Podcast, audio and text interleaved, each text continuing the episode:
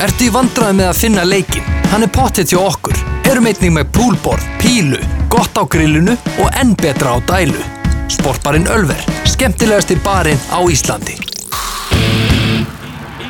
Innkastið Fótbolti.net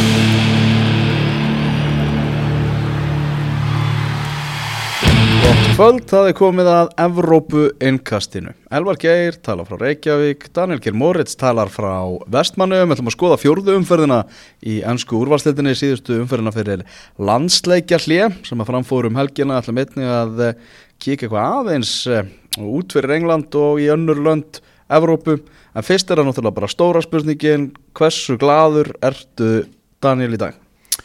Það er náttúrulega blendan tilfinningar uh, Mér finnst leiðilegt að Arsenal uh, svona sé ekki koma að þann stað að geta að byrja að leika á sama tíma og anstæðingar sínir þegar það kemur á stórum leikjum. Þannig að en þess utan er í ljómandi góður. Þess utan ertu ljómandi góður. Mm. uh, Fyrir tímabili þá voru þjálfarar svona þessara stóru liða fyrir utan Liverpool og City mikið að tala um það að, að verkefni myndi snúast um það að brúa aðeins bilið, minga bilið í, í Liverpool og City sem höfðu algjöru yfirburð á síðasta tímabili mm -hmm, mm -hmm. uh, Það maður horfið á Arsenal Tottenham í gær og, og bara byrjun á þessu tímabili er ekki bilið bara orðið meira heldur en það var á síðasta tímabili Næ mm. Já, hú Ég veit ekki hvernig ég á að segja það sko. Arsenal til dæmis, ef við byrjum á þeim þeir náttúrulega styrtu sér verulega í sumar. Mm. þannig að ég vil meina að bílið sé minna Liverpool og City styrtu sér ekki verulega í sumar. Já, og svona þú veist bara með við hvernig þetta fer að stað ok, þú segir að Arsenal sé nærði að vera jafn gott og City og Liverpool samt alveg verðist að gjá þarna á milli og við horfum á hana leik til dæmis Arsenal Tottenham. Margir búin að tala um það að Tottenham sé besta eða svona besta liði fyrir utan þessi tvö hana sem eru í sérflokki. Uh, við sjáum Tottenham ná ekki að skapa neitt á móti Newcastle, við sjáum Tottenham yfir spilaða Manchester City en ná í hana, þetta stig gera svona jafntefni hérna við Arsenal. Mm -hmm. veist, ok já Ég er ekki samanlös, ég held að bílið sé meira okay. heldur en það var Þannig að það er eitt sem að ég get svona telt fram til þess að raukstiða málum eitt í þessu að því meira sem leið á leikin í gær að þá sást betur svona hvað gæti verið að gerast hjá Arsenal með þessa fremstu þrjá mm. og mér finnst það að vera svona það spennandi að ég held að að bílið verði hérna minna á þessu tímumbili en ég held að við séum samt að fara að horfa á tveggja hesta hlaup aftur. En ég held að Arsenal er eftir að vera sterkara og nær þeim heldur Arsenal var til dæmis á síðasta tímumbili En þú talar um sóknina, Arsenal sé orðið sterkara sóknulega, en hvað segjur nú um David Lewis og, og félaga þarna í, í vartaninu? Þú náttúrulega hoppar hæðin að gæti að David Lewis mætti þetta, hann var nú ekki háa einhvern fyrir, fyrir byrjunna Við getum verið rólegri við því að ég hoppa hæð mína þegar hann mætti en, en jú, ég hérna, ætlaði ekki að fara að segja eitthvað annað en ég hef sagt, ég var alltaf ánægð með það mm -hmm. uh, Arsenal er án begja bakvarðana sinna í uppæðamóts mm -hmm. þannig ég held að það er nú líka eftir að hjálpa varnarleiknum þegar þeir koma aftur og Rob Holding er byrjunarlismæður í meðverðum hjá Arsenal þannig að hérna e, við erum svona Arsenal menn held ég flestir nokkur rólegir yfir þessu. Reyndar er núna Sókratis að fá mjög bátt fyrir sinn leik á móti tóttina Mm -hmm. og bara mjög. Og besti vartamæður Arsenal kannski síðustu ár hann er farin á brautið Real Sociedad hann Nacho Monreal. En Arsenal var náttúrulega búið að kaupa mannin sem átt að koma í staðin og það segir sitt um varnarleik Arsenal síðustu tímabila Nacho Monreal hafi verið hátskrifaður sem varnamæður sko, að því að hann er ekkit eitthvað topp topp leikmaður en meðanst hann alltaf ólsegur meðanst hann vera svona Darren Fletcher bakvarðana einhvern veginn bara svona Mm -hmm. gerði sitt og ekkert meir en það ah. Í þessu leik þá eh, kemur Kristján Eriksen tóttina yfir og það er náttúrulega tíðinda honum því að nú var að loka hérna öllum mögulegum gluggum í Evrópu núna í kvöld og Kristján Eriksen er ennþá leikmaður tóttinam og það er svona vögnuð grunnsendur um að svo er það niðurstaðan fyrst að var að byrja þennan leik í, í gær. Það eru góð, góð tíðindi fyrir, fyrir tóttinam, þeir þurfa á Eriksen að halda. Já, það er ekki nokkuð spurning sko en hérna þó að hann sé á markalista eftir þennan leik og hafa náttúrulega vel gert hjá hann mjög að klára hlaupið en Sókratis tapar hérna bolta og svo fer bara sóknir að stað og Sókratis eldir síðan ekki mannin og Eriksen skorar. Eftir alveg mjög svona klaufalega mistök fannst mér hjá Bernd Leno. Með að hann einhvern veginn bara gefa tóttina með þetta mark. Þetta er slagt skot sem að laga meila á þarna og Leno hefur nefnilega verið að koma flottur inn í þetta og, og, og, og hérna já, þetta var svona doldið sérstakt en það er gríðarlega stert fyrir tóttina að halda Kristján Eriksson Já, já. Uh, Tóttarakast í 2-0 eftir vítaspilnum Granit Xhaka alveg út á túnni þar mm -hmm. uh, en hrikalega mikilvægt fyrir Arsenal að skora fyrir hlið þegar að laga sætt skora þetta geggjaða marka það var ógeðslega vel klárað hjá honum. Já og þetta er, hérna, hann er einhvern veginn komin með svona eh, fjölda marka að það er núna hægt að segja bara wow hvað þetta var ekta laka sett mark Þú veist það sem að vinnur einhvern veginn svona stöðin í tegnum og lúðrar svo bara á helvítis marki sko. Já, og hérna hann er og náttúrulega sner, snerting 2 Já. hjá honum hún var, hún var rosaleg sko. hann er náttúrulega skilur allt já, já bara allt þetta er hún náttúrulega svona sem skilur á milli en allar þrjá snertingarna sem hann tekur er náttúrulega frábærar og eh, þetta er náttúrulega virkilega góðu leikmaður og, og ég held að hérna eh, ég ætla að koma með smá svona uh, spurningu til þín. Ef þú ættir að velja hvort myndur þú vilja Lacazette eða Roberto Firmino í Manchester United? Í Manchester United? Mm ég held að ég myndi velja Lacazette ok já. Ég var alveg til í það á báða. Já, og það voru rosalega margir sem væri tilbúin að fá í Manchester United eins og staðinu núna. Já, já. En það voru að velja þarna á milli tveggja frábæra leikmanna og, mm. og hérna Roberto Firmino er náttúrulega oft uh, svona, komum aðeins að honum betur á eftir en hann er náttúrulega oft svona vannmetinni aðeins í sínu. En þá og fyrir mínu og samanskapi líka kannski oft vannmetin í sínu. Já ég er að segja, hann er vannmetinni í sínu og hérna þannig að þá fer maður að spyrja sig, eru kannski fremstu þrýr hjá Arsenal bara á pari við fremstu þrjá hjá Liverpool? Já, við skulum býða og sjá aðeins með það Það sem að sko náttúrulega líka fremstu þrýr hjá Leopold hafa þrátt verið deilur þeirra um helgina sem við komum inn á síðar Það er það að þeir hafa nánast verið með samtengtan haus bara síðan þeir byrjuðu að spila saman sko. algjörlega og ég, mér varst gaman samt að, að hérna að Emery skildi þá loksin spila þessum þremur fremst í þessu leik og, og hætta þessu bulli. Ég var náttúrulega mjög ósáttur við uppstillíkur á móti þar sem að þorði ekki að byrja með þá alla þrjá.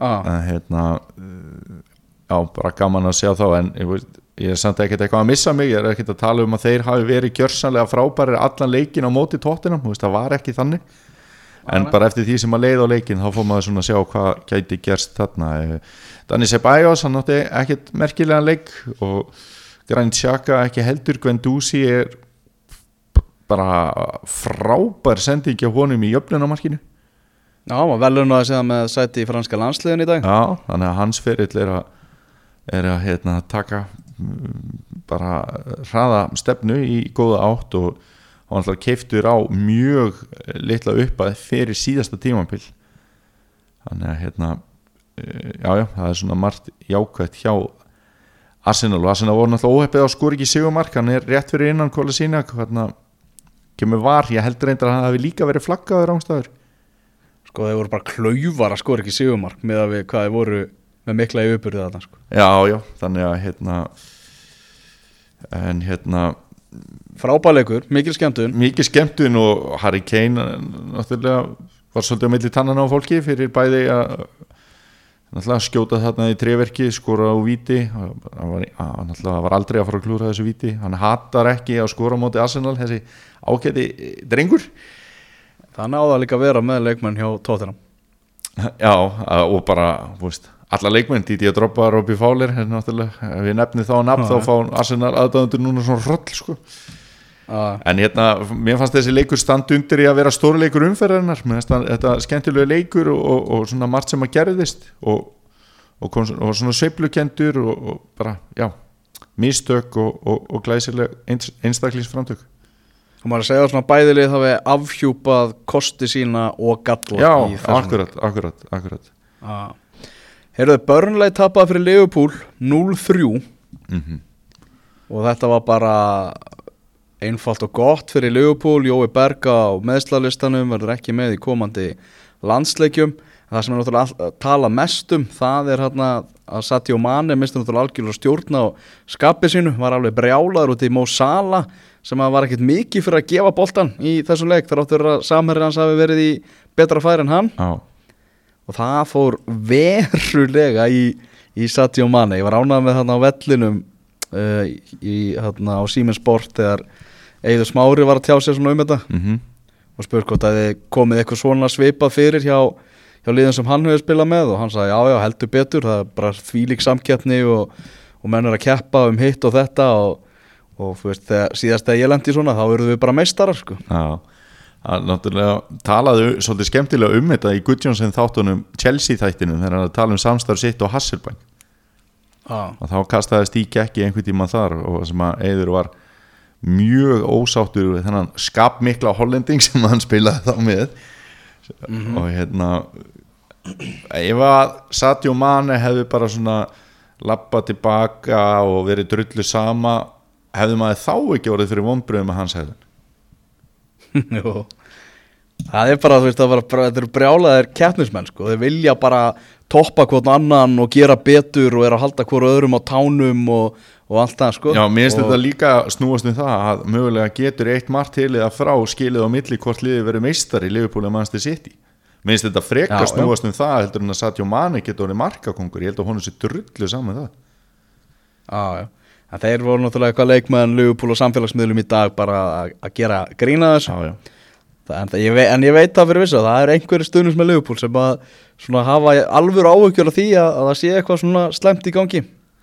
já, en ég, það, það á bara eftir að, eftir að skýrast. já ég, ef maður ætti að svona reyna að ná í sammisku þeirra að þá myndi ég segja Liverpool stundismönnum bara að vera pollrólegir yfir þessu og vera bara ánægða með þetta veist, þetta er metnaðamerki þetta sína að mönnum er ekki sama og ef við förum þá bara aftur í leikin sem slíkan að Liverpool var náttúrulega gjörsamlega frábært taka þetta börnlega lið og, og gjörsamlega pakka þið saman á útivelli og börnlega var búin að byrja svona allt í lægi 1-1-1 þarna í fyrstu þremur leikjanum en það var ljóst bara frá byrjun að þetta er 1-1-2 sko.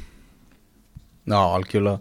Fabinho, hann hérna var með eitthvað 82,3% sendingar hlutfall og vann 66,7% af, af tæklingunum sínum og eitthvað, hann bara heldur áfram að vera afskaplega góður. já, já, þetta er bara eitt besti miðumæður deildarinnar ef ekki bara sá besti í sínu hlutverki.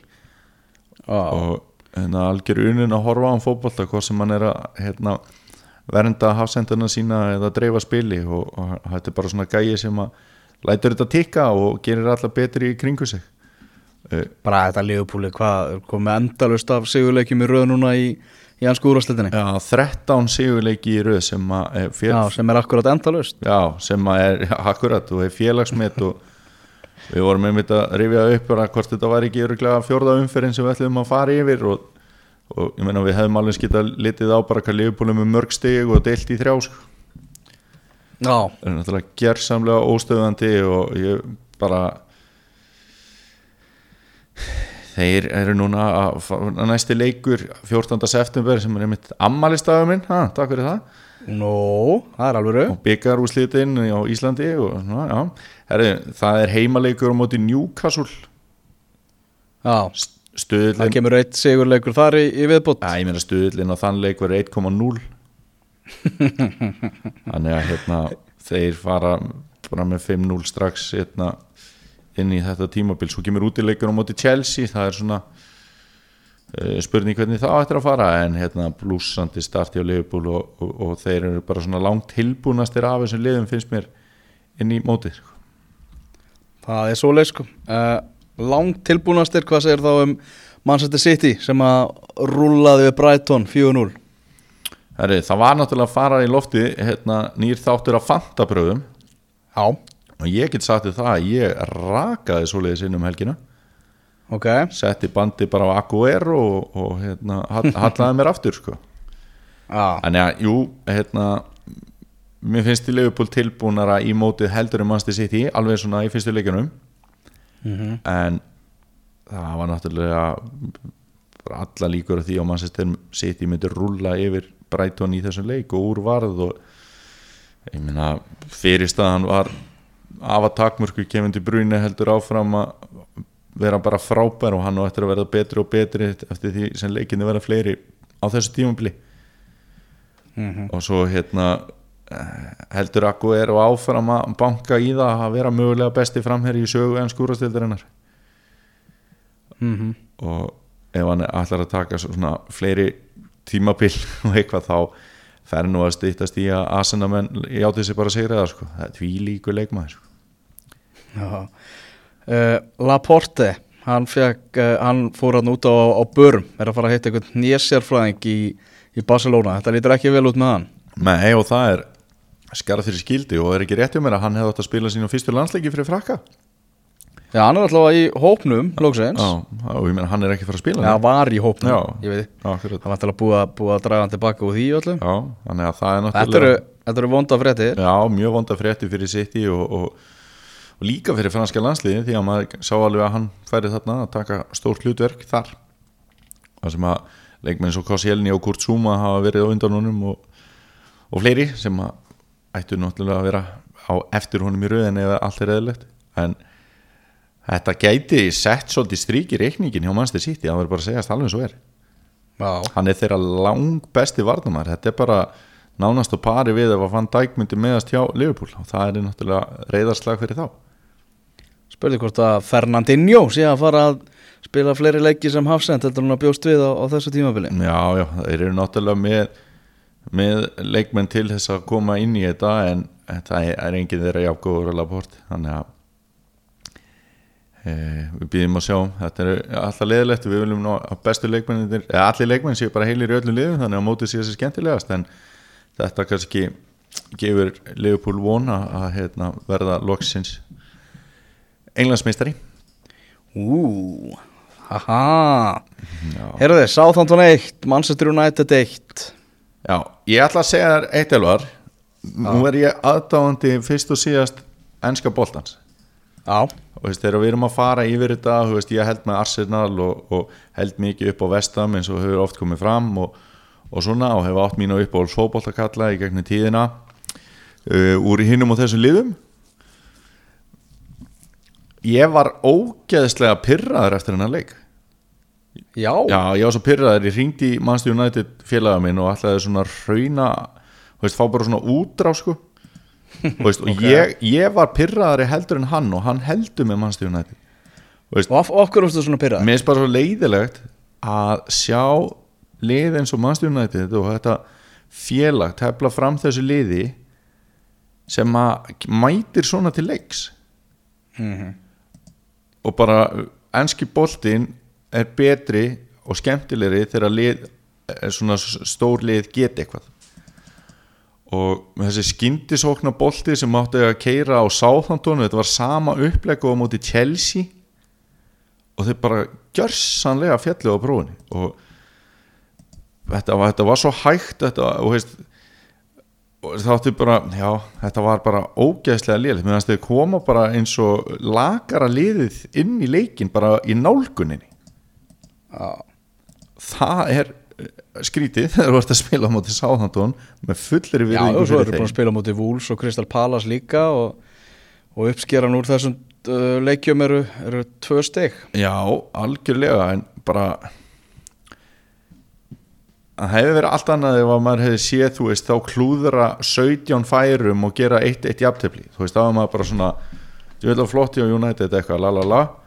Og Pól Pogba fekk mjög mikið á baugin eftir hennar leikum, ég fannst hann engu að síðu þráttur í svona missetnaða sendingar inn á milli vera mikið að reyna. Mér fannst hann reyna að fara fyrir United. Mér fannst, ég er ekki sammálið að hann hef ekki nefnt þessu. Hvað finnst þér um það? En hann var að tapa boltanum alveg trekk í trekk Já, mér fannst hann samt einhvern veginn vera að reyna Já, en gerir maður ekki meir kröfur til heimsmeistara Pól Pogba en hann sé bara að reyna Jú, en, jú, jú, en hann, hann er að fara að gefast upp á þessu United lið sko. Já, ég held að það séu ansi margir sem eru að gefast upp á þessu United liði sko. þetta er náttúrulega alveg arva daburt, lindilega fjötin í loftinu enn og aftur. Mm -hmm. DG með mjög bjánali mistök fannst mér í markinu. Já, já, menna 2019 hjá Dav David Gea. Og Jésús Já. Og 2018 náttúrulega líka veist, á HM Já, þegar- 2018 líka, Já. bara þú veist. Það er komið tvö almanagsár þarna eða, ja, þetta byrjaði nú jú, jú, ég ætla bara að segja það, tvö almanagsár sem að eru e, Manchester United Spáni og David Gea ekki bjóðandi sko. Nei, nei, það er bara allir einhvern veginn samtaka um að þetta sé ótrúlega daburt og, og eiginlega bara Daniel James sem er svona ljósi punkturinn, hann er alltaf einu bara skyndilega orðin bara aðal gaurin í þessu lið og þegar maður er að horfa á aðra leiki í ennsku úrvarsleitari sem hefur farið reyndar alveg bara ótrúlega skemmtilega stað mm -hmm. þá erum maður að sjá bara, þú veist, í litlu klúbunum, bara fullt af leikmönnum sem maður er bara vá, ég væri til að hafa þennan í United bara Mm -hmm. Þannig er bara staðan einhvern veginn á leikmannahópi Manchester United. Já, ef við tökum hérna bara svona aðeins töfluna uh, ári Vestam, Everton Arsenal, Crystal Palace, Leicester Manchester City og Liverpool fyrir ofan Manchester United. Mm uh, Ég ætla að segja að Manchester United endi fyrir ofan Crystal Palace. Já, ég ætla að vona það. Já. Ég er ekkert viss um öll hinlið Nei. Ég er bara ekkert viss um það að Manchester United fari sko í Evrópudeldina sko. Nei Það er, all, Þetta er er og, allavega og sko og þetta kemur ekkert á óvart sko. Alls ekki. Það var engin von til þess að þegar tímabilið fór á stað uh, að ég var að fara að vera bjarst sýt fyrir hönd Manchester United sko. Nei. Þetta er hérna mér, finnst samt sko, ok, leikmennir eins og þeir eru og hérna og og allt það og, og þetta er náttúrulega búið að tala um svona gæðaleysi og veist, Scott McTominay þinn maður hefur fengið svolítið á baukinn í þessum fyrstu leikjum. Pereira hefur náttúrulega verið bara mjög slakur. Asli Jong er núna komin í byrjunarliði vinstri bakurinn, þú veist, það er eitthvað sem engin United stunni sem maður vil sjá. En sko Manchester United var þannig að þú gast sett bara hvaða jólasvein liggur við sem er í hennan helvitis búning og hann var bara eins og þetta væri Superman búningur Já, en uh, Sör Alex Ferguson er ekki ennþá að þjálfa þetta lið sko. Nei, nei, og bara reyndi ekki og veist bara einmitt, að þetta hugafar bara hugafar leikmanna hugafar mögulega ólíkunna sólsker hvernig hann er að nálgast leikina er mestu vombriðin fyrir mér. Bara nálgun United á leikin er svo döpur þetta er hundleiðilegt þetta er ekki með neitt árangur og bara enska deildin verður leiðilegri út af United nema þeir hjá þeim sem að bara hafa mjög gaman að að baða sig upp úr þórðakliði sko. Já, nákvæmlega. Þetta er sko, það er útlætt fyrir það að ég held ég bara að þetta verður ansi djúblægð og það verður ríkala erfitt að, að vinna þessu upp úr henni. Ég ætla að koma þá með svona pælingu. Eh, Romelu Lukaku, hann er farin Alexis Sanchez er farin og Henrik Mkhitaryan er farin þessi skipti dýle núna bara off hjá báðum liðum. Eru bæði Mkhitaryan og Sanchez farnir og, og loksins segja öruglega bara flestir. Eh, er þess, heldur að einska úrastildinni eftir að breyta félagaskiptakluganum Já, ég held það líka. Já, það er verið að fundum það bara. Þegar umræða um það að, að fylgja í takt sko. Já Akkurat þetta setur svona skrítna pressu á ennsku liðin og, en maður spyr sér líka ok, United nær að losa alveg hellingspening með Sanchez og Lukaku og ef þeir ekki geta gert það bara líka í júli og keift þá kannski einhvern sóknatengi lið eða framherja eða, eða miðjumann við hliðin á Pogba eða gert eitthvað. Þetta verður náttúrulega sko, því uh, lélegra sem Manchester United verður því erfiðar að verður náttúrulega að fá hákjaða leikmann til að mæta í þetta þrótt sko. og, þá, og því erfiðar að verður að, að vinna sig upp úr skýtnum sko. Já, en United var samt líka ofta að taka þessa leikmenn bara því við borguðum þess meira og gerðum meira að leikmennum sem að voru ekki orðnar stjörnir og við tökum dæmi með Harry Maguire og Van Bissaka ég menna, ég held að við erum eftir að sjá góða ferla hjá þeim í Manchester United treyjunni þú veist, Já. að taka svona leikmenn þú veist, bara breyta, kýla á þetta eitthvað mm. en já, þetta er þetta er ekki þetta er ekki gott þetta er alveg sko langt frá því við erum að tala um það að tímabili byrjaði fyrra dag og Manchester United er sjöstugum frá tópnum sko. og Manchester United er ekki að fara að taka þátt í meistaratilda Evrópu nei þú veist það er bara tímabilið er bara nánast ónýtt og það er ekki byrjað sko. Og í næstu umferð þá er þeir heimaleika á móti liði sem hefur farið frábærlega stað sem heitir Lester já, ég get alveg sé Lester bara keira yfir Jamie Vardy og Mattisson og NDD og þetta þeir getur bara tekið einan leiki yfir og bara kyrt yfir þetta þróta mannstu United lið, sko. tíuvel eru Brenda Rodgers og, og Vardí að ná vel saman maður. Rodgers að ná vel út úr Vardí já, já, já hvernig hann kláraði færið þarna á móti Bólmáð sko. Já, það var algjörlega frábært og en maður hugsaði samt, þú veist þetta er eitthvað sem maður hefur bara séð áður og Jamie Vardy kann þetta og já, náttúrulega tvök og mörk og, og náttúrulega rosalega stert hjá hann líka að fá tílumanns ef við förum bara aðeins í hérna leik og er þetta ekki búin að þunglitast yfir United í byrli ja? Nei, þú veist, ég er ekki þungleitur yfir þessu Nei, þú varst bara undirbúin Ég var undirbúin, Já. ég var ekki að búast við einunni neinu nema nákvæmlega þessu sem er búið að vera í gangi sko. Já, að ég er bara silki slagur Já. en að há bara eitt svona í lokin bara að fá þið til að segja þetta hérna annan september. Uh, mun Solskjær klára tímabilið með United? Sko, ég, það sem gæti hjálpað honum er bara að Manchester United einhvern veginn er bara komið leið á þessu róti. Já, og gæti, jú, ég held að fá að klára tímabilið eða bara út af því. Að þið bara nenni ekki að vera að standa í enn einu ruglunu er í raun og veru bara Lampart og Solskjær í nákvæmlega sömu stöðu? Nei, alveg langt frá því að vera í nákvæmlega sömu stuði Á hverju? uh, Af hverju? Já, ég er að minna bara út frá pressu frá eigundum og allt þetta. Uh, nei, þú veist þarna Lampard var meira svona uh, hann var kynntur í þessa stöðu skilur við en nú ætlum við að fara að byggja upp við erum í, megum ekki kaupa nú eiga ungu strákarnir að að koma inn og svona. Mm -hmm. Þannig að veist, að, mér finnst það mjög ólík staða Já, hjá það tveimur ok, sko. tek undir það. En svo eru náttúrulega, þú veist mannsættur nætt er svo stórt batteri að þegar pressan fer að myndast þá, veist, þá er stundum ekki takt annað heldur en að bregðast bara við sko. Mm en kannski bara best fyrir Manchester United að byrja á því að losa sig við Pogba -hmm. og byrja síðan að búa til nýtlið Ok, það getur verið, verið. verið lausnætti bara þú veist, þú nærð aldrei að friða Pogba þannig að, að allt sé í góðu sko. Við erum aftur í Lester Bournemouth. Varti skorar þessi tvö mörk. Hann er ekki í anska landsliðinu, gefur ekki kost á sér. En Callum Wilson skoraði fyrir Bournemouth og hann er í anska landsliðinu, hvað myndir þú velja? Marti, Ekki spurning. Og svo náttúrulega, svo náttúrulega líka ótrúlega stert hjá Lester að ná að landa tílumanns og, og, og kaupa hann fyrir þetta tímabil. Og hann flottur í hafum í fyrra. Það er eitt, eitt leikmaður sem var til að sjá United bara sko. ah, Akkurat Þú veist. og hann skora náttúrulega í þessu leik kannski einn punktur í viðbót úr þessu leik e, leifir þeirra að velja næsta leik sem við fyrir mý Mm. Ryan Fraser er með stóðsendingu já, það er góða punktur við sáum það miljón sinnum á síðasta tímabili þannig að Já, lokalega. Herru, næsti leikur sem við ætlum að skoða er Stamford Bridge, Chelsea 2, Sheffield United 2, þar sem að Chelsea kjænst í 2-0 en þeir eru ansi brotættir varnarlega. Kurt Zuma skoraði þarna sjálfsmark rétt í lokin og þetta er leðilegu fylgifiskur þar að hann varð fyrir rasisma og samfélagsmiðlum, það er eins og sé að aukast einhvern veginn, einhver bylgja af, af því að, að vera með rasisma uh, á, á Twitter og Instagram og eitthvað.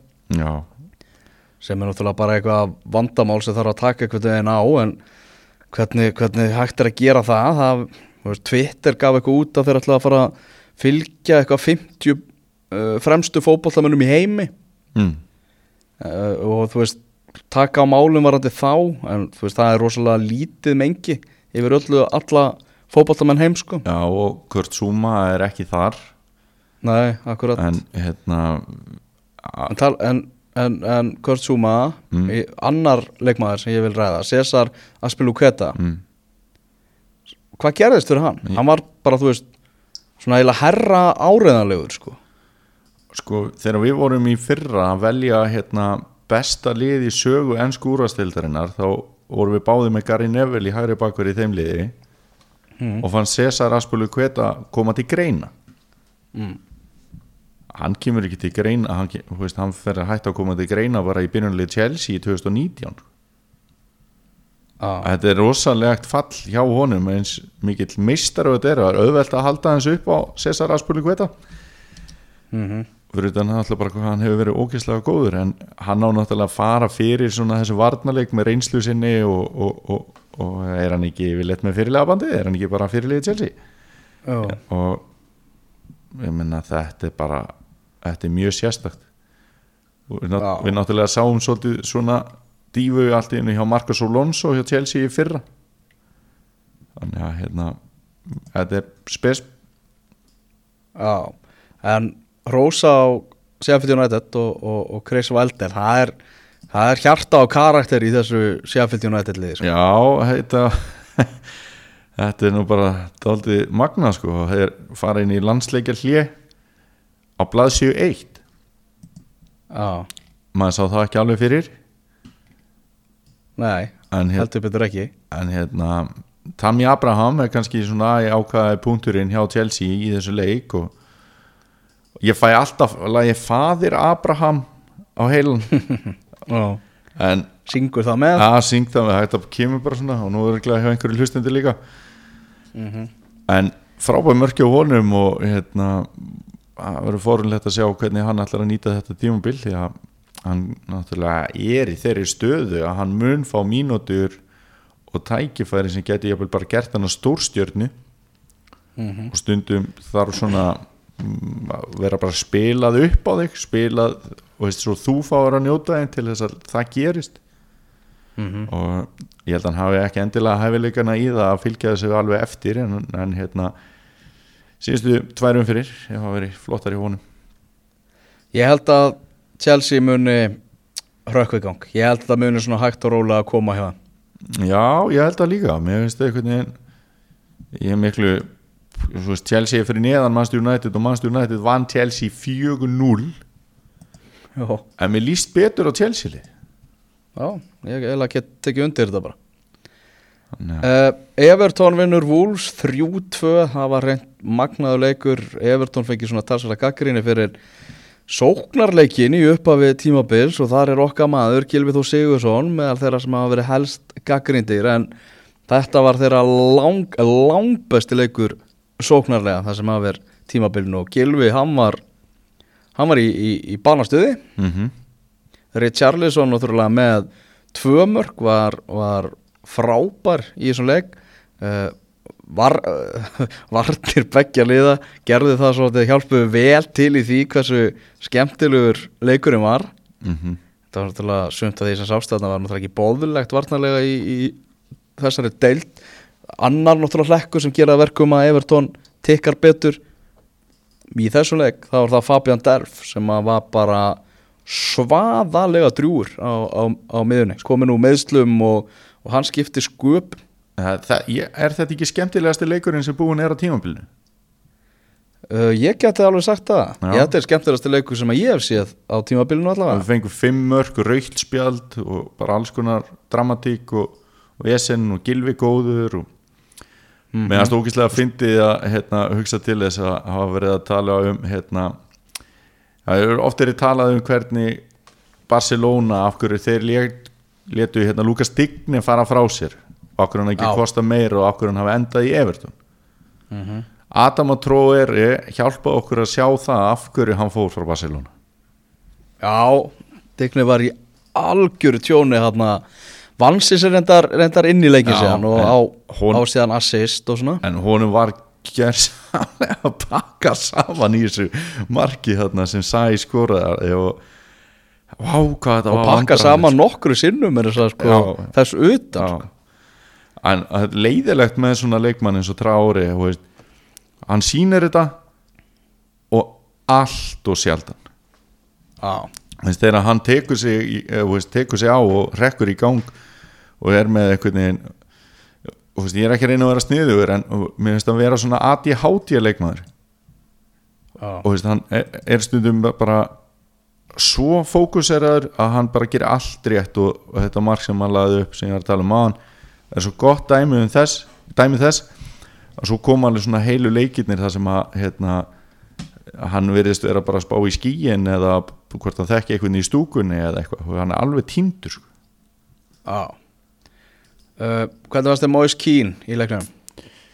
Eh, alltaf auðvelt að segja fyrst þreyttur mér finnst draga snemma af honum út að hann var náttúrulega að hamast og djöblast í þessu og er í, í, í svona tiltölulega litlu formi en mér fannst það mjög lofandi.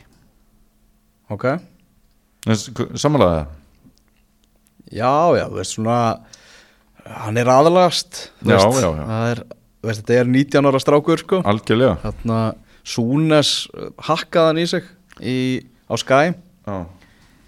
og þarna bara sagði að væri ástæða fyrir því að, að Juventus hefði selt hann og, og eitthvað. Mm en hann er þarna að vera náttúrulega horfa til þess að hann er 19 ára að spila í fyrsta sinn í ennsku úrvarsleitinni Mhm.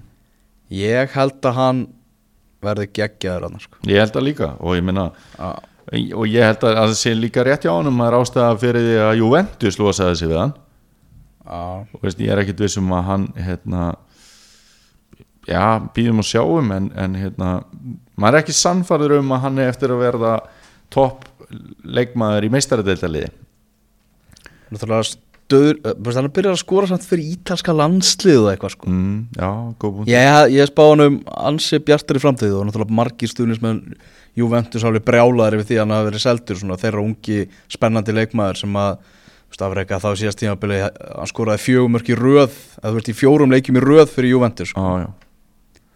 ég skil að það það og, og, og hérna ég held að Evertón hafi gert virkilega gott mót en ég minna hvort hann er eftir að vera bara svona Jakubu solid Evertón gæi eða, eða eitthvað miklu meira á tíminn eftir að leiði ljós.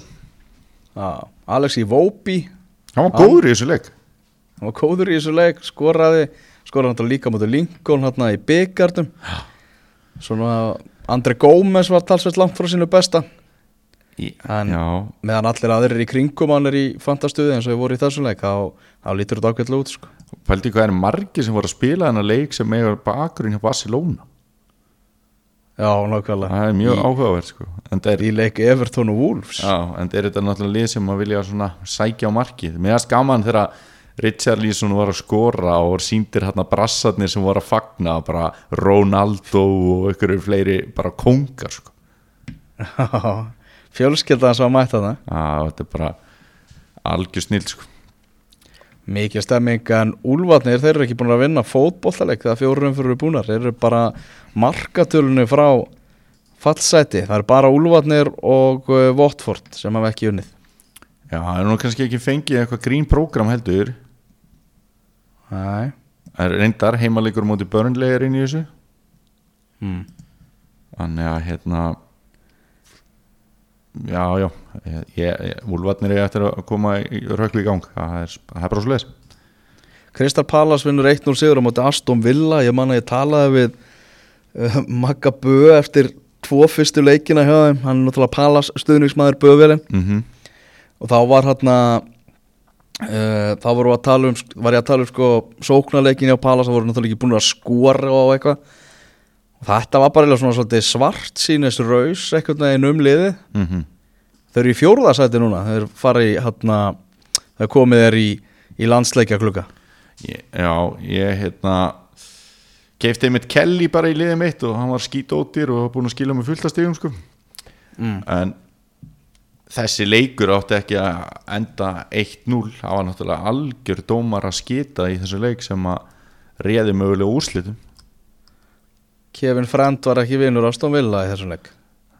Máli er að Jack Grealish er þarna uh, eiginlega sparkaði niður. Boltin berst á samherja sem maður skýtur í markið. Og það er dæmdi leikaraskapur á gríls og markið dæmt af.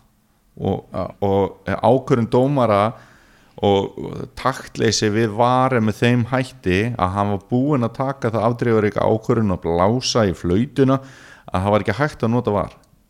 Mm. Því líkt klúður sko. ég hefði orðið geðbilaður ef ég hefði verið Aston Villa þetta sko.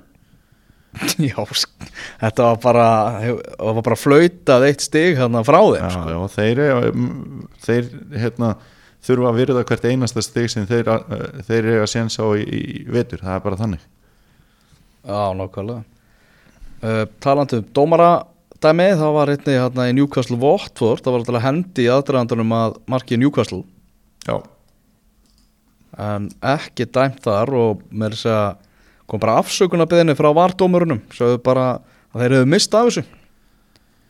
Sko þegar þetta er já ok, þá komum við aftur að því hvort þetta minnið bara taka sinn tíma en ég hugsa að verður þetta einhvern tíma betra en þetta og ef að var er ekki betra en þetta þá bara hætta með það strax á næsta tímabili það verður ekki tætt með var að við getum alveg sleppt þeirri umræður sko. Ok, Eh, einn leikmaður í liði Votvort og mikið meittur að síðasta tímabili eftir að hafa verið að koma vel inn í þetta þar og undan, hann heitir Will Hughes Já, og hann hefur farið með heiminskautum inn í þetta mót.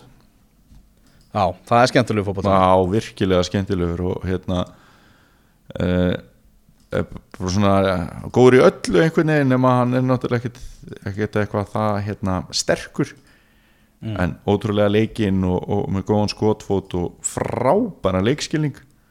Þannig að hérna hann er svona leikmaður sem að hérna, fólk ætti að fylgjast með að það er að horfa á vottvort leiki.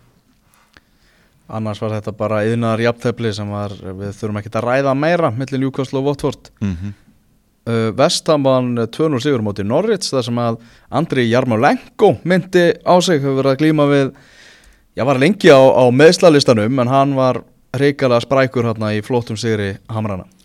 Já, bara gaman að sjá maður gleymur stundum að hann er komin í janska boltan Já, var alltaf lengi orðaðar við hérna, starri félög heldur en Vestham en eh, Javier Hernández fann til Spánar, gekk það ekki eftir, ég held að.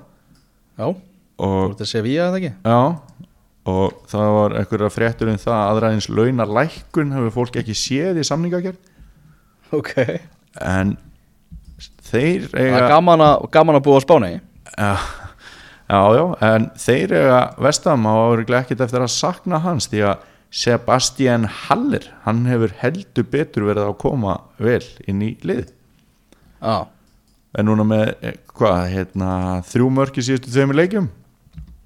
Mm og skoraði mitt hérna, í, í leiknum á móti Norvits og, og hérna að, flottu leikmaður já, nákvæmlega.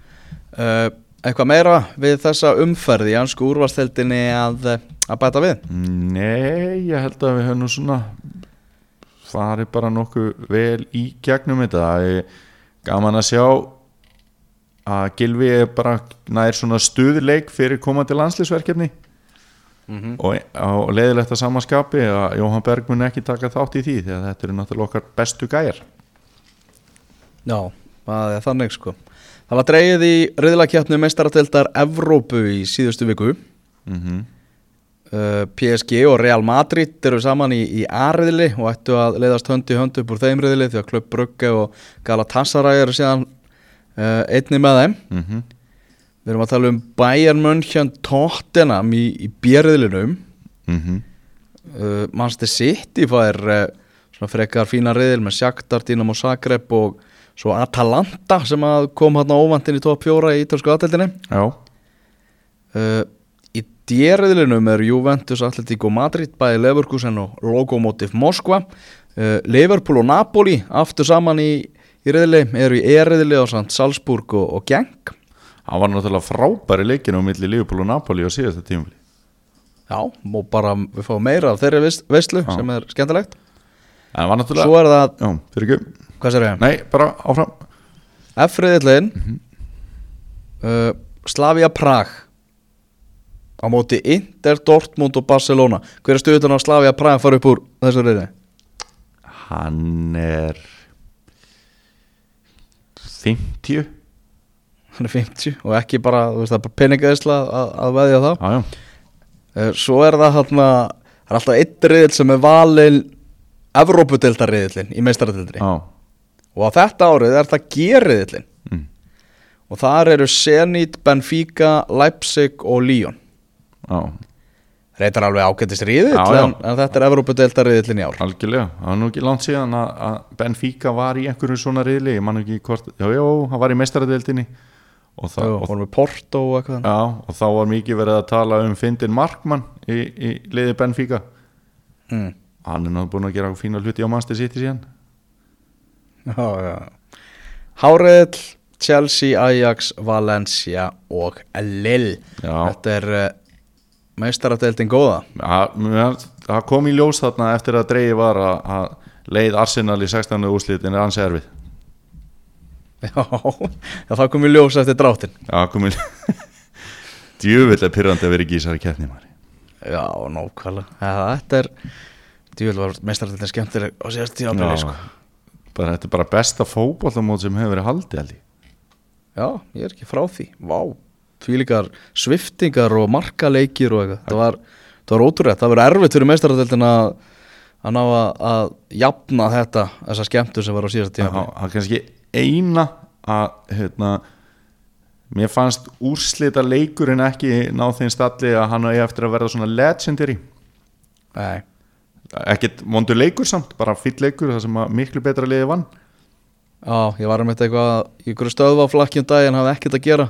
Já, Datt inn á leikin en svona, nei, næni, það er alveg nóg að sjá hann einu sinni. Já, já. Uh, Í Evrópadeildinni það er náttúrulega svona stærstu tíðindin að Aseta Alkmaar með Albert Guðmundsson innanbors og Astana með Rúnam á Sigurjónsson innanbors eru í riðli með Manchester United 11 riðli sem gerir þann riðil uh, talsvert skemmtilegan.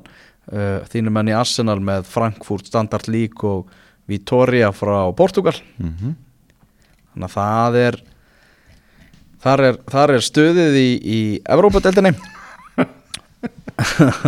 er Van Dijk valinn besti leikmaður uh, uh, UEFA eða leikmaður ásins á UEFA? Já, sammála þessu vali? Já, mér finnst það bara flott val. Er, er þetta já, vísir að því sem koma skal. Mun Van Dijk uh, taka hinn stóru velunum líka? Tekur hann gullknöttin uh, Ballon d'Or og, og tekur hann uh, hann FIFA velunin Já, ég myndi nú ekki útilega það.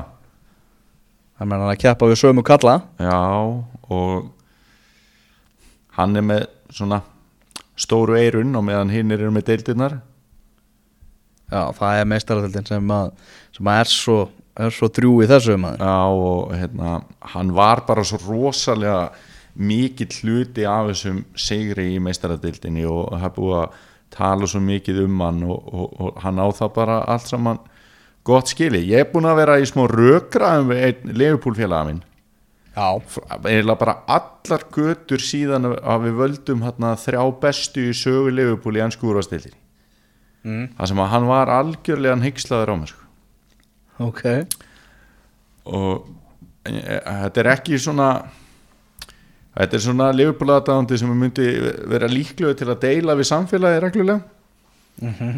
En hann hann er alveg grjótarður af því að Van Dijk er besti leikmæri sögu Liverpool frá stofnun ennsku úrvastildar það er ekkert annað. Hann er bara með hann alveg þar strax og veist, að breyting sem hann er með á einu liði með sinni tilkomi sé bara svo svakalega að hann er bara bestur. Við þurfum að stíga á bremsuna. Það þarf að, að leifa tímanum aðeins að líða. Já en veist, hann er bara getting there samt sko. já, já, hann er á, hann er á leiðinni. Já, já það er alveg, er alveg hárið engin smá kallar sem hann er að slá út og þá sérstaklega eitt sem er kallaður Captain Fantastic sem að ég tefli nú alltaf fram í þessum rökraðum sko. já, en þetta er svona samkvæmisleikirnir þeir klikka seint þegar það kemur að fótbolta. Já, ef að Liverpool tekur þann stóra í, í heima fyrir Englandsmeistara titilin á þessu tímabili á, jafnvel er ég tilbúin að kvitta undir þetta. Já, ok. Já. Bara, Eh, bara strax já, já, já, því ekki það. Ok. Ég meina að þetta er, ekki, þetta er ekki galnari staðhæfing hjá honum heldur en það að við erum bara opni fyrir að kvitti undir þetta bara strax. Ekki strax Nei, ég segi það og strax eftir, veist, tím, eitt tímabil væri þannig í viðbótu hvað hann er búin að gera og ekki lengri tíma. Já, það, það, er þannig. Förum að svo kíkjum í aðra deildir eh, í Þýskalandi þar sem þrjárum fyrir búnar er það Leipzig það er hérna Red Bull Leipzig er, sem er í efsta sæti. Uh, Bayern Wolfsburg og Bayern Leverkusen með sjöstig Borussia Dortmund með 6 eftir að liðið tapaði fyrir Union Berlin 3-1 sem eru eru stórmögnuð úslitt Já. Þetta vegna þess að þetta er fyrsti sigur Union Berlin í þýsku búndeslíkunni í sögu félagsins. Já. Þetta er- það er svo gaman þegar menn mæta bara svona. Herri, við ætlum að vinna fyrsta leikin, já, á móti hverjum? Á móti Augsburga Nei, Dortmund. Já. Svo er þeir náttúrulega líka að keppa bara í annar deil sem er á móti Hertu Berlin sko. Mitt og það er Herta Berlin með sko eitt stig núna og Union Berlin komið fjögur. Já. Það verður gaman að fylgjast með þeim í, í, í hérna, veitur alveg klálega Ósasúna og Barcelona gerðu 2-2 jafntefli, Börsungar haldi áfram að, að hyggsta en Ansu Fati sem er 16 ára gamall, hann opnaði sinn markareikning með aðaliði Barcelona í La Liga. Hvað finnst þér um það? að Barcelona sem bara með 16 ára leikmann? Veist, er, það, það merki um það að þeir eru á einhverju svona nýðuleið eða er bara einhver svona e, geggja og gæja að koma upp eða hvað er að frétta með þetta? þetta er ekki gæja að koma upp sko. Já, ég meina augljóslega, ég meina ekki þannig en 16 ára sko. Já, þetta er náttúrulega rosalegt. Þeir eru aðeins í náttúrulega meðslum aðeins og svona vissulega. sem að eh, hjálp, hjálpar þessum gæja að koma upp en það er líka svo töff að sjá sko þetta Barcelona á svo mikið myndefni frá La Masia. Það er að segja unglingaakademíunni sinni það er bara kamerur og öllum leikjum og eitthvað og það er að koma upp einhverju svona krakkar í aðalið þá er bara komin svipmynd að klippa það sem hefur verið að sína og bara kott unga að gera geðveikt tilþrif sko Já, mitt með bara þvílíkt gull að eiga þetta allt saman núna þannig að bara allir sem koma núna upp hjá Barcelona það verður bara til bara öll mörg sem þeir hafa þú bara frá því að byrjuð að sparka í bolta sko. Ef þú pælir í því veist, hversu mikið hafa Íslendingar hugsað bara síðustu ár hvað hafi verið mikil snild að veri til eitthvað myndefni á strákunum okkar sem var hægt að hnóða saman örgulega öllu myndefninu í eina auglýsingu. Já, það var nú eitthvað tilmannstu sem var nota fyrir EM? Já, frá eh, einhverjum krakkamótum í vestmannegum já, já, ok, tvær auglýsingar. Þú getur, Já, já, þú getur akkurat. tekið þetta efni úr þessari akademíu þarna og bara sinnum miljón já, já. Það er nefnilega þannig en þegar þrjár umferðir eru búnar í, á Spáni þá er Real Madrid búið að vinna eitt fótbollaleik og Barcelona eitt fótbollaleik það eru, eru þokkalega tíðindi því sko. Já, það er mjög sérstak og Gareth Bale, hann er bara allkallina og Gareth Bale er, er aðal kallinn við var allt í öllu hérna í í Via Real, Real Madrid skoraði tvö og létt rekka svo út af. Það er mjög sérstakt já, hann ákvað bara að taka allar fyrirsagnar Já, ánægði með hann. Heyrðu, uh, ég hef afskaplega gaman af ítalska fótboltanum eins og diggir hlustendur okkar vita. Mm og þar var náttúrulega bóðið upp á einn konfekt leik þegar uh, Juventus og Napoli áttust við fjögur þrjú. Þetta er bara rússipanna reið. Rússipanna reið og Kúli Bali hérna með uh, flautu sjálfsmark sem að tryggði Juventus sigurinn og Kúli Bali grét eftir leik og, og það er alltaf frétta sko. Já, annars er það líka frétta úr ítalska boltanum að Mauro Icardi er farin frá Inter, hann er gengin í raðir PSG á, á lánsamningi og PSG hefur segðan fórkaupsrétt á honum eftir, eftir tímabil. Já þetta eru rísa, rísa fréttir.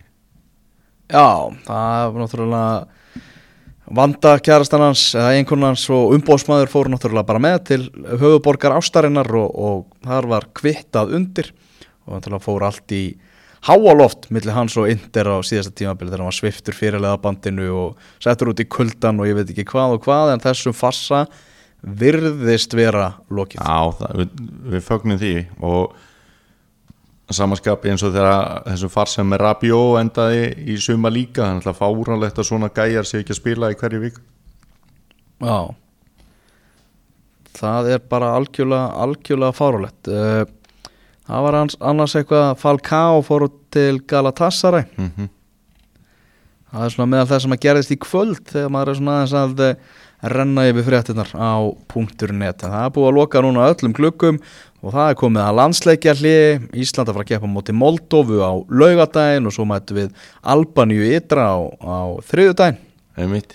og hvernig finnst þér hérna aðeins bara með klukkan er bara rétt í lokin? Já, að Darmian og Smalling eru farni frá United. Hvað finnst þér um það? já og veist bara áttur þú vona á þessu endilega? Ekki smolling sko. Nei og líka eitthvað þú veist Ég, ég, en samt með Darmian, hann hefur verið seldur í hverjum einasta glugga í, í bara fimm ár án þess að hafa farið Já. neitt samt. Já, maður er ekkert svona Já, maður var bara svona bjóst við því að myndi á endanum fara hann, að er hlaut svo, að koma hann, hann þessu er bara eins og miklusveppur sko, og losnar ekkit við Já, það sem að kom mér sko ma- maður gæti ekki ímynda sér sko Chris Smalling nokkuð tíma að fara út fyrir ennskaboltan sko. Nei, einmitt og vera mættu til Róma ég er með þetta spennandi Já. að sjá hvernig Smalling mun ganga í, í Róma Já, ég hef alltaf haft einhvern svona soft spot fyrir Smalling sko. Já, Herriðum, það er algjörlega þannig landsleikinni, hvernig, hvernig lítur þetta út hjá okkur? Hvernig leistur á hópin? uh, Ég er smá hrættur Já, þið náttúrulega Ég tókuð er þetta alltaf aðeins á smá hrættur fyrir lögadaginn landsleiki þannig Hvað sér ég? Þið náttúrulega tókuð þetta aðeins á lögadaginn Já, þú veist, ég er ekki trættu við það að, að Hannes er ekkert að geta hjá, hjá Val, hann stendur sig alltaf með, með landsliðinu. Mm -hmm. uh, Ég var aðeins áhugjur af vangmönnunum Já, uh, Þar vantar náttúrulega Jóa Berg, eins og við erum að tala um og, og svo er er hann Arnór Sigursson hann er, hann er tæpur sko. Já. Hann að ég er smá, smá hrættu við það sko. Já, já, já. Það er bara gaman að strákanir okkar sig að fara að spila. Það er, Já, og Birki Bjarnason er ekki í fótboltaliði og svona sko. Þannig að svona, þegar maður er að setja saman líklegt byrjunalið þá er þá er, er, er ég svona hrættastur við, við kantana hjá okkur, vangmennina en ákveðanski til að koma eitthvað svona jákvætt á móti. Kolbett Sigþórsson, er hann ekki að fara að koma í sinni besta standi bara í mörg ár?